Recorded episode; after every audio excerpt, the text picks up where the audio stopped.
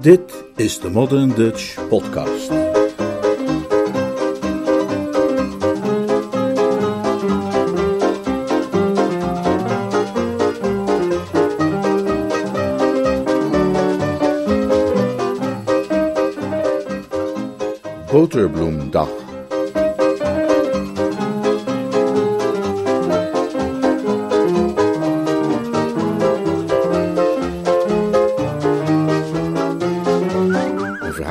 P.G. Woodhouse uit de bundel Eggs, Beans and Crumpets. Vandaag het eerste van de twee delen, vertaald en voorgelezen door Leonard Peuger.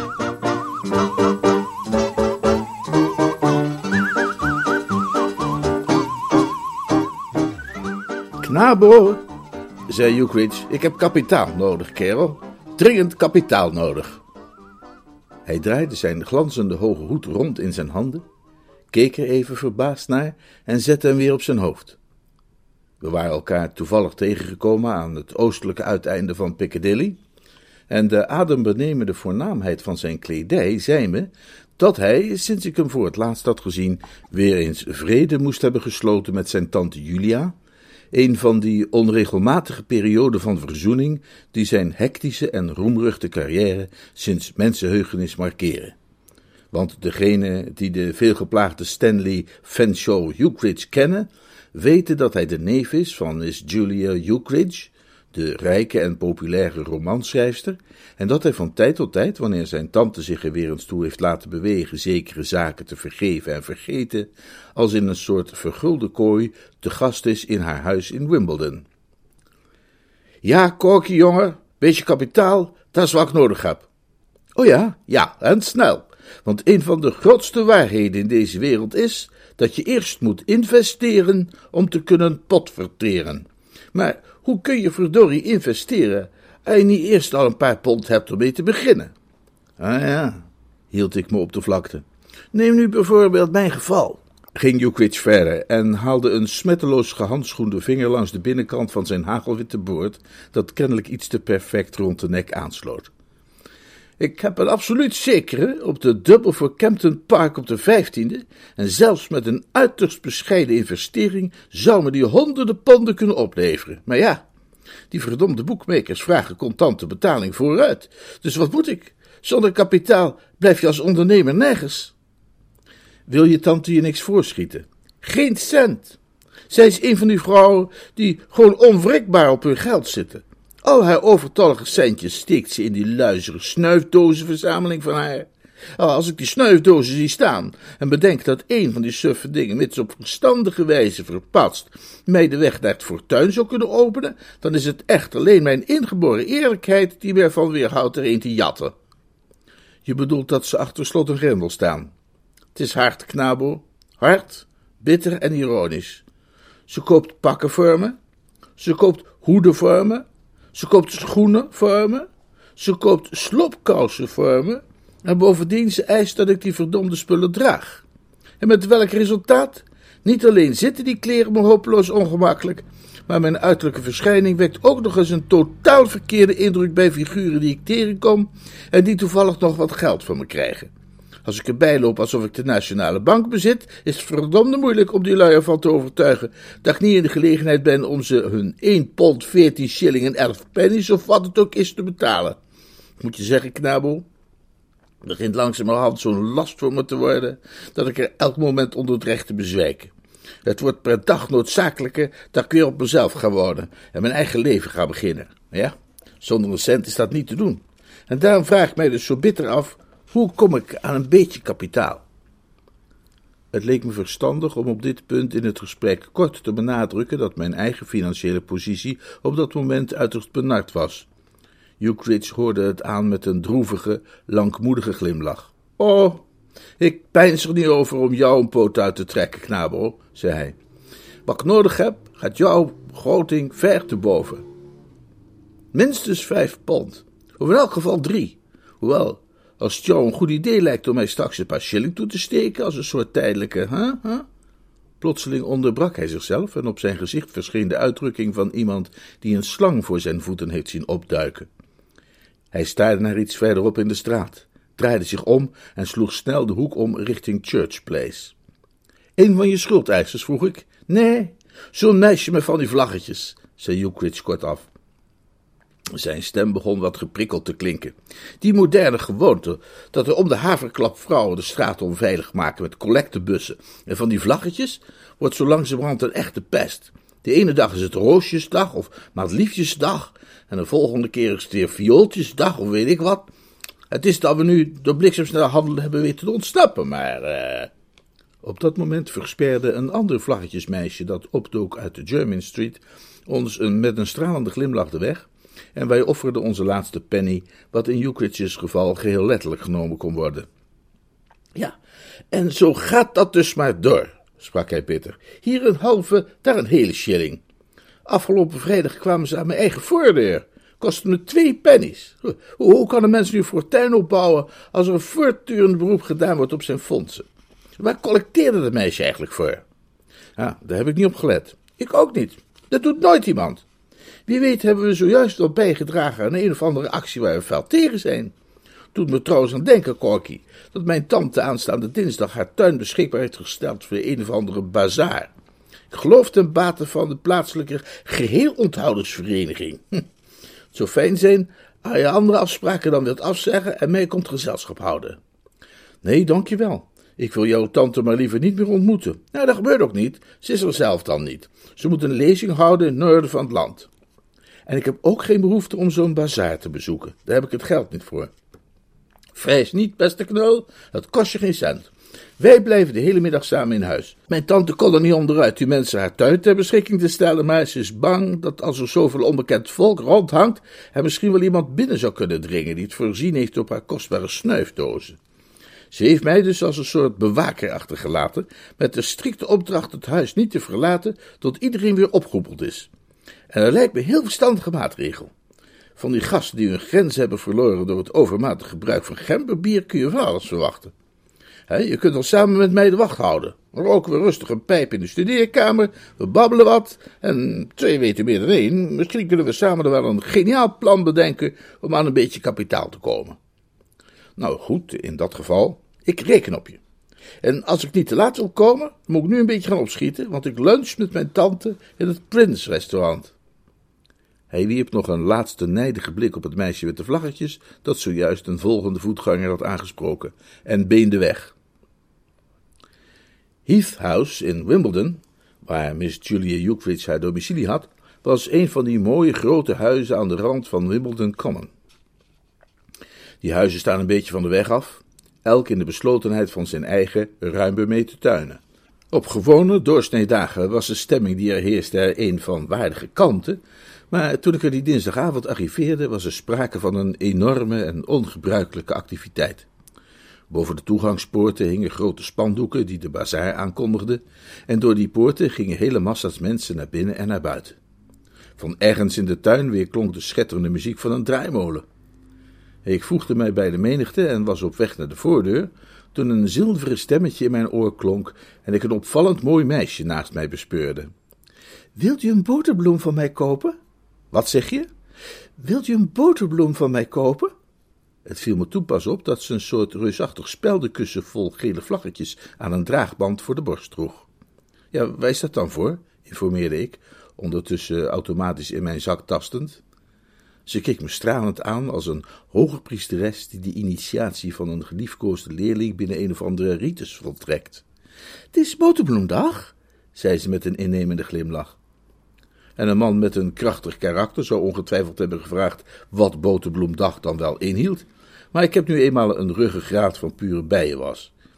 Ik haalde de eerste de beste munt van fatsoenlijk aanvoelend formaat tevoorschijn en stopte die in haar collectebus. Ze bedankte me met de nodige warmte en stak een van de gele vlaggetjes in mijn knoopsgat. Daarmee was ons gesprek geëindigd. Het meisje dartelde als een zonnestraaltje in de richting van een welvarend ogentype dat juist voorbij liep, en ik liep verder naar het huis waar ik Ukridge aantrof in de studeerkamer. Hij tuurde met aandacht door de openslaande deuren die op de tuin uitzagen. Hij draaide zich om toen ik binnenkwam, en toen zijn oog viel op het gulden versiersel op mijn revers, plooide zich een gelukkige en tevreden glimlach rond zijn mond. Ah, ik zie dat jij er ook een op hebt. Een wat? Zo'n dinges. Oh, dat, ja. Er stond een meisje met een kussen vol van die speltjes in de voortuin. Het is boterbloemdag. Voor het een of andere goede doel, neem ik aan. Ja, en dat goede doel ben ik, zei Jukwitsch, waarbij zich zijn glimlach tot een brede grijns verbreedde. Hoe bedoel je? Corky, knabo, zei Jukwitsch en wees mijn stoel. Het belangrijkste is dat een mens een goed, nuchter hoofd heeft voor zaken. Allerlei lui in mijn positie, die om kapitaal verlegen zitten, zonder een mogelijkheid in zicht om eraan te komen, zouden het al gauw als hopeloos hebben opgegeven. En waarom? Omdat het ze mankeert aan visie en aan een brede, ambitieuze en flexibele blik. Maar wat heb ik nu gedaan? Ik ben er eens voor gaan zitten en ik heb eens goed nagedacht. En na vele uren van geconcentreerde meditatie ben ik inderdaad beloond met een idee. Herinner jij je dat pijnlijke moment in Jermyn Street vorige week, toen die vrouwelijke straatrover onze poot probeerde uit te draaien? Hè? Herinner je je nog dat wij toen geen van tweeën eigenlijk wisten waar we ons goede geld voor hadden gedoneerd? Nou, en? Wel, knabo, plotseling schoot mij te binnen als bij hemelse ingeving dat niemand ooit weet waar hij eigenlijk voor doneert als er zo'n meisje met van die vlaggetjes voor zijn neus staat. Ik was op een fenomenale waarheid gestuurd, Knol. Een van de diepste waarheden die onze moderne samenleving kent, namelijk dat iedere man die staande wordt gehouden door een knap meisje met een kussentje vol vlaggetjes, automatisch en zonder verder ergens naar te vragen, een munt in haar collectebus stopt. Dus ging ik meteen naar een meisje dat ik ken, een schatje, hè, en van het enthousiaste type, en ik heb geregeld dat zij je vanmiddag collecteert. Ik verwacht behoorlijk binnen te lopen. Weet ik wel zeker. De onkosten, voor spelden en geel papier en zo, waren vrijwel nihil. En er is geen overhead, dus alles wat binnenkomt is pure winst. Er ging een steek door mijn hart. Wil jij nu zeggen, vroeg ik enigszins verhit, dat die halve kroon die ik net heb geofferd straks in jouw zak terechtkomt? Oh, de helft ervan natuurlijk, hè? Uh, ik deel met mijn collega en partner. Heb jij werkelijk een halve kroon gegeven? Zei Jukwitsch verheugd. Echt is voor jou, knabo. Gulhartig als altijd. Als iedereen zo goed geeft zoals als jij, dan zou deze wereld een beter en gelukkiger oord zijn. Nou, ik neem aan dat je je realiseert, zei ik, dat over hoogstens tien minuten jouw collega en partner, zoals jij noemt, zal worden gearresteerd wegens het verkrijgen van geld onder valse voorwenselen. Geen sprake van. Waarna de politie, godzijdank, ook jou zal aanhouden. Onmogelijk, Nabo. Ik vertrouw op mijn psychologisch inzicht. Wat zei dat meisje tegen jou toen ze je te grazen nam? Ja, dat weet ik niet meer. Wilt u een boterbloem voor mij kopen of zoiets? En toen? Nou, toen vroeg ik waar het voor was. Toen zei ze: Het is boterbloemdag. Precies. Dat zegt ze tegen iedereen. Hè? Meer niet. En is het waarschijnlijk, hè? is het redelijk om te veronderstellen, zelfs in deze materialistische tijd, dat de mannelijke ridderlijkheid op zo'n laag pitje staat, dat er kerels zijn hè, die aan zo'n charmant meisje dan door gaan vragen. Dat glooit ze zelf niet. Hij liep naar het raam en keek naar buiten. Aha, nu is ze in de achtertuin, zei hij tevreden. De handel loopt kennelijk uitstekend. Eén op de twee mannen draagt al zo'n speldje. Ze gaat nu een kapelaan te lijf, de schat. En over een paar minuten waarschijnlijk een agent en burger, en dan is het afgelopen. Jukwitsch keek me verwijtend aan. Jij bekijkt het weer uitsluitend van de sombere kant, Corky. Wees nou toch eens wat hartelijker en optimistischer, knabo. Hè?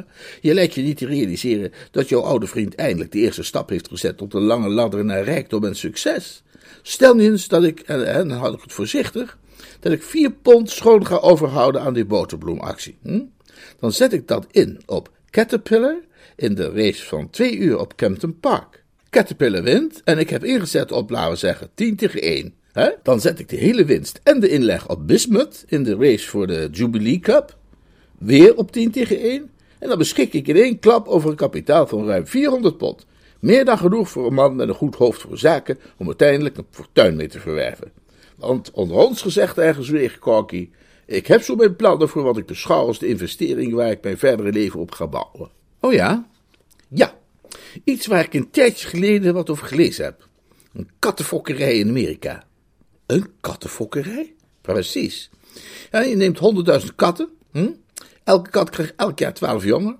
De waarde van de vachtjes varieert van 10 cent voor een witte tot 75 cent voor een diep zwart exemplaar. Dat zijn dus 12 miljoen kattenvellen voor de gemiddelde prijs van 30 cent per vacht. Wat dus, als je voorzichtig rekent, 360.000 dollar oplevert. Maar dan zul je zeggen, en de kosten dan? Oh ja? Ja. Maar daar is helemaal aan gedacht. Om die katten te eten te geven, begin ik namelijk daarnaast een rattenfokkerij. Ratten vermenigvuldigen zich vier keer zo snel als katten. Dus, als je met een miljoen ratten begint, heb je vier ratten per kat per dag, wat meer dan genoeg is. Die ratten voer je weer met wat er overblijft van de katten als je ze hebt gevild. dat is dus een kwart kat per rat. En op die manier is je hele zaakje compleet self-supporting. Hm, een mooie cyclus. De katten eten de ratten en de ratten eten de katten. Er werd op de deur geklopt. Kom binnen! bulderde Ukridge geïrriteerd. Zo'n groot industrieel heeft er altijd een enorme hekel aan om gestoord te worden tijdens een conferentie. Het was de butler die zijn financiële economische beschouwing had onderbroken. Een heer om u te spreken, meneer. Wie dan wel?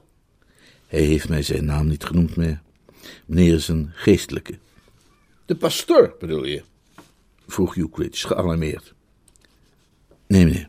Het gaat om een kapelaan. Hij vroeg naar Miss Ukridge. Ik heb hem gemeld dat Miss Ukridge afwezig is, maar dat u de honneurs waarneemt, wel bij u te spreken vroeg. Oké, zei Ukridge. Laat me binnen. Hoewel we daarmee een zwaar risico lopen, Corky, voegde hij eraan toe terwijl hij de deur sloot. Die kapelaans hebben vaak intekenlijsten in hun binnenzak en hebben echt de neiging, tenzij je bijzonder waakzaam bent, om je een fikse bijdrage te ontfutselen voor het orgelfonds of iets dergelijks. Laten we dus maar hopen de deur ging open en onze bezoeker kwam binnen. Hij was nogal een klein maatje kapelaan, met een innemend, openhartig gezicht dat opgeluisterd werd door een pince-nez. Hij droeg een boterbloemvlaggetje op zijn revers en toonde zich al bij zijn eerste woorden de beoefenaar van een wonderlijke stotter. Pup, pup, pup, pup, pup, zei hij. Ha? vroeg Ukridge. Meneer, uh, pup, Ukridge? Jawel, en dit is mijn vriend, de heer Corcoran. Ik knikte naar hem, de kapelaan knikte naar mij. Uh, gaat u zitten, zei Ukridge gastvrij. Wilt u eens drinken? De bezoeker hief afwijzend de hand. Nee, dank u, antwoordde hij. Ik merk dat mijn gezondheid er baat bij heeft, wanneer ik afzie van het gebruik van alcoholhoudende dranken. Al tijdens mijn studie was ik een gematigd drinker, maar sindsdien heb ik de ervaring dat ik er maar beter helemaal uh, van kan afzien. Maar uh, laat me niet door u uh, weerhouden. Ik doe daar niet moeilijk over. Een ogenblik glimlacht hij ons vriendelijk toe. Vervolgens verscheen er een ernstige blik in zijn ogen. Deze man, kon je zien, zat ergens mee. Ik ben naar u toegekomen, meneer Ukridge, zei hij, vanwege een pup, pup, een pup, een pup, een pup. Een parochieaangelegenheid, probeerde ik hem te helpen. Hij schudde zijn hoofd. Nee, een p, p, p, p, plezierreisje, opperde Ukridge. Hij schudde opnieuw het hoofd. Nee, een p, een p, een, een vervelende kwestie. Ik, ik begrijp dat Miss Ukridge afwezig is en dat u als haar neef aanspreekbaar bent als de schutspatroon, als het ware, van de p, uh, van de pu, van de p, uh, festiviteiten in de tuin vandaag. Hè? vroeg Hugh die niet begreep waar hij aan toe was. Ik bedoel dat de eventuele klachten wellicht bij u kunnen worden ingediend. Klachten? Over wat er plaatsvindt in Miss Euclid's tuin, om zo te zeggen onder haar imprimatur. Euclid's klassieke vorming was destijds voortijdig onderbroken, daar hij op jeugdige leeftijd helaas was heengezonden van de school waar wij onze jongensjaren doorbrachten, en Latijnse conversatie was niet zijn forte. Die laatste opmerking was hem dan ook boven de pet gegaan. Hij keek mij klagelijk aan en ik vertaalde het gezegde voor hem. Uh, meneer bedoelt, zei ik, dat je tante haar tuin heeft uitgeleend voor deze happening en dat ze het recht heeft om het als eerste te horen als er rottigheid wordt uitgehaald op haar terrein. Precies, zei de kapelaan. Maar verdorie, knabel, protesteerde Ukridge, die nu doorhad waar het over ging. Het heeft toch geen zin om te gaan klagen over iets wat op een liefdadigheidsbazaar gebeurt? Je weet net zo goed als ik dat als die lui van de geheel onthoudersbond ergens bij elkaar komen en dingen beginnen te verkopen in stalletjes, dat dan zo'n beetje alles is toegestaan behalve krabben en bijten. je kunt er maar het beste uit de buurt blijven. De kapelaan schudde mistroostig het hoofd. Ik heb geen klacht over de wijze waarop de stalletjes worden gedreven, meneer P. P. P. Het, het is niet meer dan eh, logisch dat op een bazaar ten bate van het goede doel wat extra's gevraagd wordt voor de verschillende artikelen, vergeleken bij wat ze in de normale handel kosten. Maar welbewuste en moedwillige oplichterij is wat anders. Oplichterij? Er loopt hier beneden in de tuin een jonge dame rond, die het publiek geld uit de zak klopt met de bewering dat het vandaag boterbloemdag is. En dat is nu mijn punt, meneer Ukridge.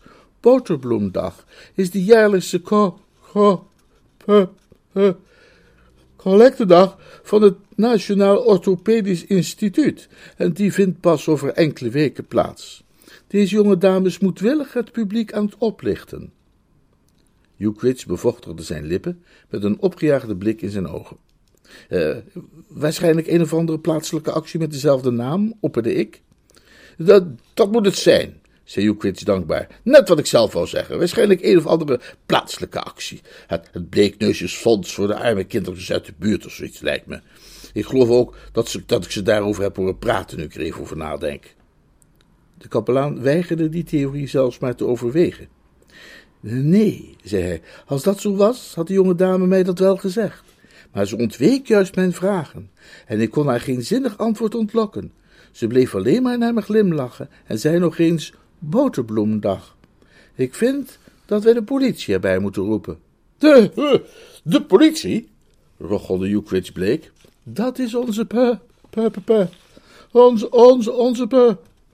Onze plicht, zei de kapelaan en keek ons aan als een man die zijn al te frequente ingezonden brieven ondertekent met pro bono publico. Ukridge schoot met een krampachtige beweging overeind uit zijn stoel. Hij greep me bij de arm en trok me mee naar de deur. Neem me niet kwalijk, zei hij. Korkie, fluisterde hij op dringende toon, terwijl hij mij de gang opsleurde. Korkie, zeg dat ze hem smeert, snel. Prima, zei ik. Je vindt ongetwijfeld wel een agent op straat, riep Ukridge me na. Vast en zeker, antwoordde ik met luide en heldere stem. Dat soort dingen willen wij hier niet hebben, bulderde Ukridge. Volstrekt niet, riep ik enthousiast terug. Hij ging de studeerkamer weer in en ik haastte me om mijn reddende taak te verrichten. Ik was net bij de voordeur en wilde die open doen, toen hij al uit zichzelf openging en ik onverwacht in de helderblauwe ogen van Jukritjes tante Julia stond te staren. Oh, eh, eh, eh, ah, zei ik.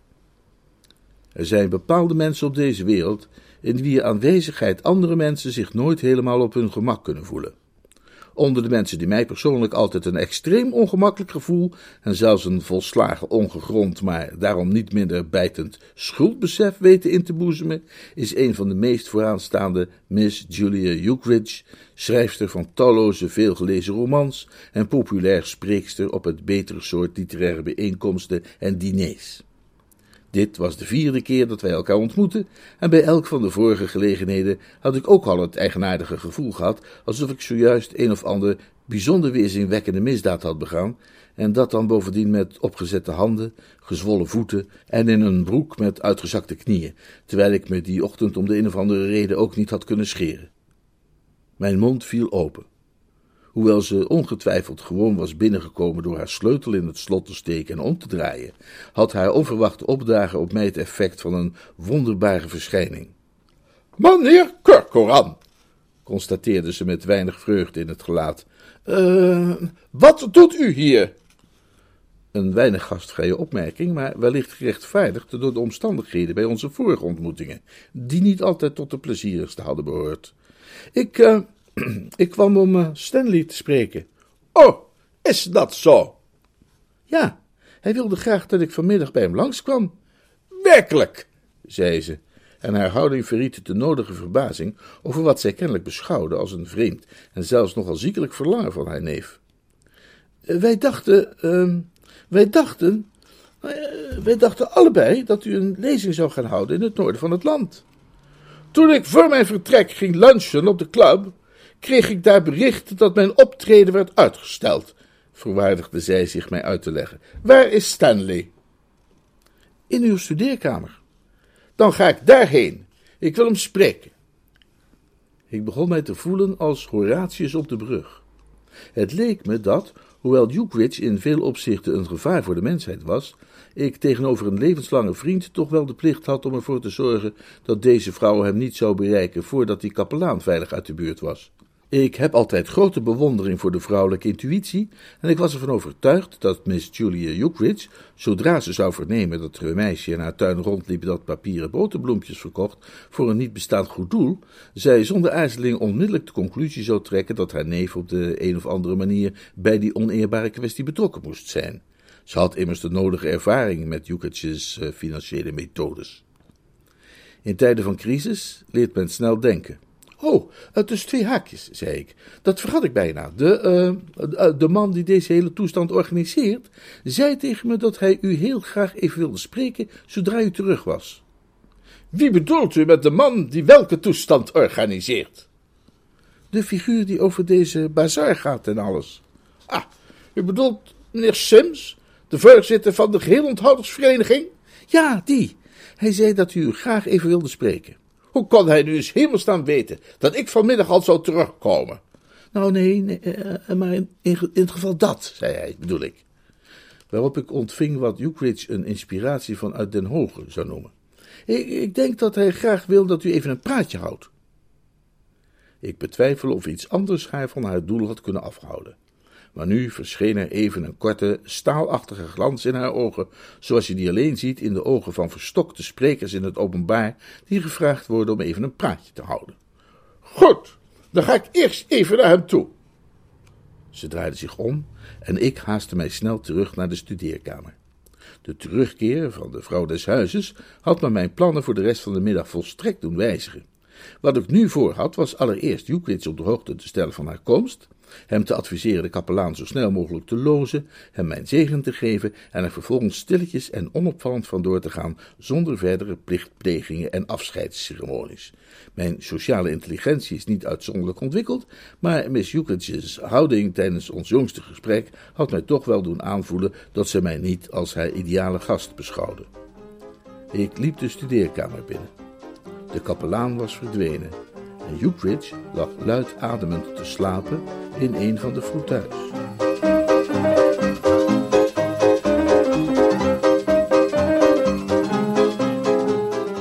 Dit was het eerste deel van dit verhaal.